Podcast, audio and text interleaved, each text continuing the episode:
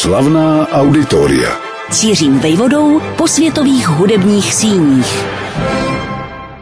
V srdci východočeského města Náchod a zároveň pod strmým vrchem, kterému vévodí místní zámek, stojí rozměrná budova, vyjádřeno dnešní terminologií multifunkční.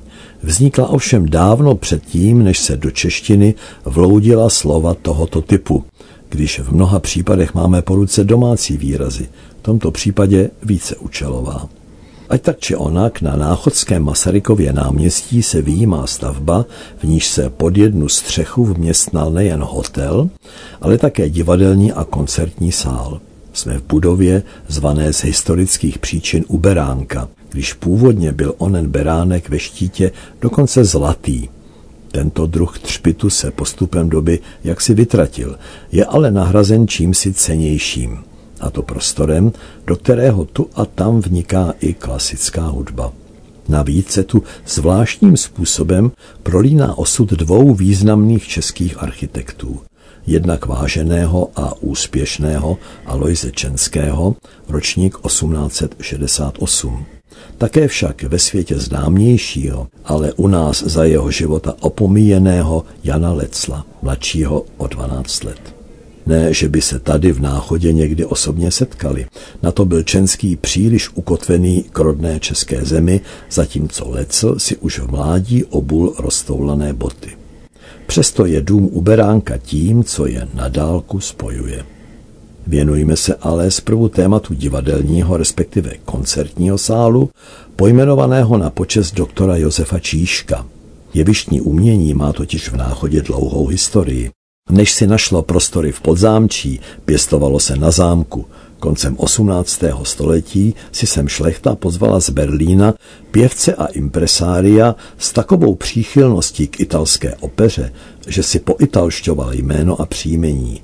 Z Wilhelma Karla Arnolda se v náchodě stal jižansky znějící Guglielmo Carolo Arnoldo a se svým souborem tady inscenoval operní díla nejen od Italů každým coulem, jako byl Giovanni Battista Pergolesi, ale také od Čecha Josefa Myslivečka, přezdívaného v Itálii, jak dobře víme, Il Boemo. To však byl pouze začátek náchodského příběhu o divadelních či koncertních prknech, která prý znamenají svět.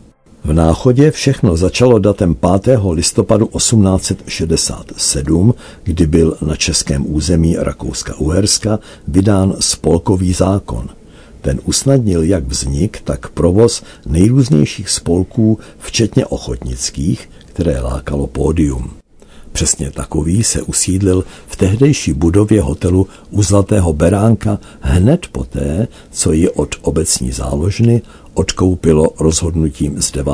března 1889 město Náchod. Jenomže ochotnický cvrkot byl ve městě tak slyšitelný, že se začalo rýsovat zásadní rozhodnutí.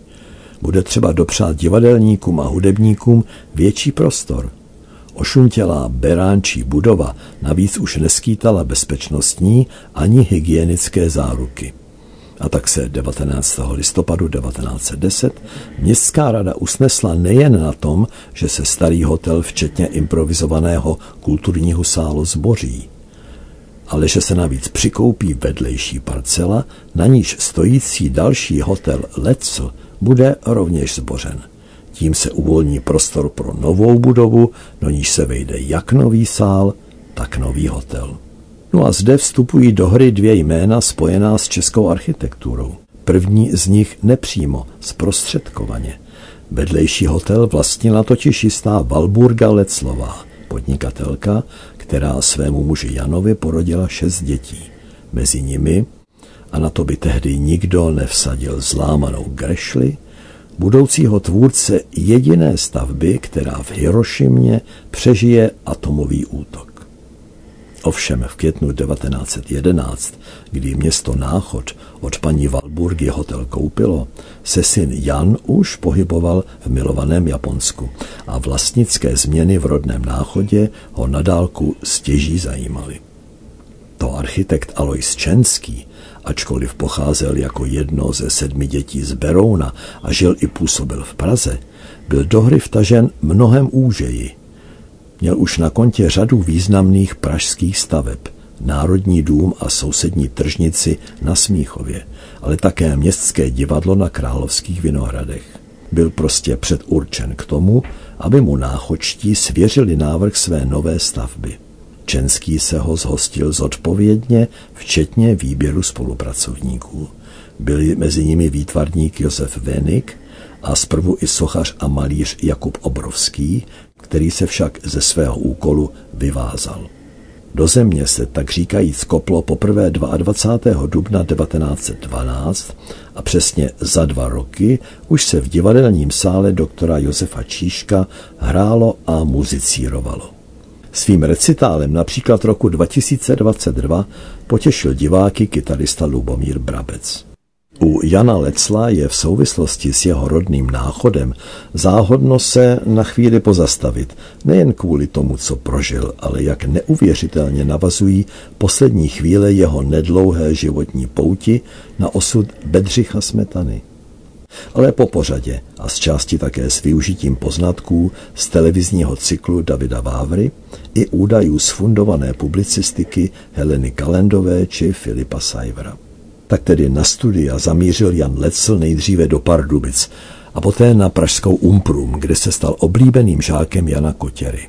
Snad právě Kotěra ho doporučil k práci v Egyptě, kam Lecl odjel počátkem 20. století. Les čemu se tam přiučil, což následně zúročil v Japonsku, kam přesídl v roce 1907. Snad mu tato země byla osudem, vždyť za sebou v Čechách zanechal v rámci jediného dokončeného díla areálu Mšené lázně pavilon s japonskými motivy. Japonsko bylo ovšem tehdy ještě velmi zastaralé. V celém Tokiu přijezdilo jen 16 aut, jedno z nich značky Laurin a Clement, vlastněné Janem Leclem a jeho obchodním společníkem. Neznali tam ani železobeton, tak klíčový při stavbě Hirošimského průmyslového paláce, která se uskutečnila podle Leclova návrhu v letech 1913 až 15. Leclovi bylo 35, žil trochu podivínsky. Oděn do kimona, pěstoval na zahrádce u svého příbytku z nojemské okurky. Zpřátelil se s dívkou odvedle, rodiči opomíjenou, kterou adoptoval a vychoval. Jeho Hanako, jak se jmenovala, s ním měla po první světové válce odjet do Evropy, ale místo toho zamířila do Ameriky, kde se vdala, což pro něho bylo velké zklamání. Jan Lecl ovšem s nadšením přivítal vznik Československa. Nabídl se z Tokia jako obchodní ataše bez nároku na plat. A dokonce se roku 1920 vydal pomáhat svými znalostmi a zkušenostmi do vlasti. Úředníci na ministerstvu obrany mu ale život strpčovali natolik, že se o dva roky později vrátil do Japonska. Tam prožil otřesné zemětřesení a ještě jednou si to namířil zpět do Československa. Tady skončil v pověstných Kateřinkách, Vinohradském ústavu pro choromyslné. A tam také roku 1925 zemřel. Na stejném pokoji a pravděpodobně i na stejném lůžku jako o 41 let dřív Bedřich Smetana. Když se dnes návštěvník blíží Masarykovým náměstím k budově Uberánků, v níž sídlí hotel i kulturní sál, asi si všimne sochy dalšího z místních pojmů. V náchodě se narodil a pod smyšleným názvem jej popsal ve své prvotině z Babělci spisovatel Josef Škvorecký. Ani budova Uberánka v jeho knize nechybí, ovšem nazvaná Ulva. Před svojí smrtí roku 2012 mohl Škvorecký teoreticky ještě usednout do hlavního sálu, nedlouho předtím vkusně zrekonstruovaného. Pojmenován byl na památku někdejšího předsedy zdejších ochotníků, právníka Josefa Číška, který měl kdysi jako náchodský starosta na vzniku budovy Uberánka rozhodující podíl pojme 430 diváků a dnes v něm zní například soprán Gabriely Beňačkové či dramatický tenor Jakuba Pustiny. Vedle hlavního sálu se v zadním traktu budovy využívají i komorní a přednáškový sál. A pokud se někdo ubytuje v hotelové části, bude následovat Václava Havla, pobývajícího zde v létě 2011 při natáčení svého autorského filmu Odcházení. Náchod je prostě město nejen půvabné, ale dlouhodobě kulturní. Slavná auditoria.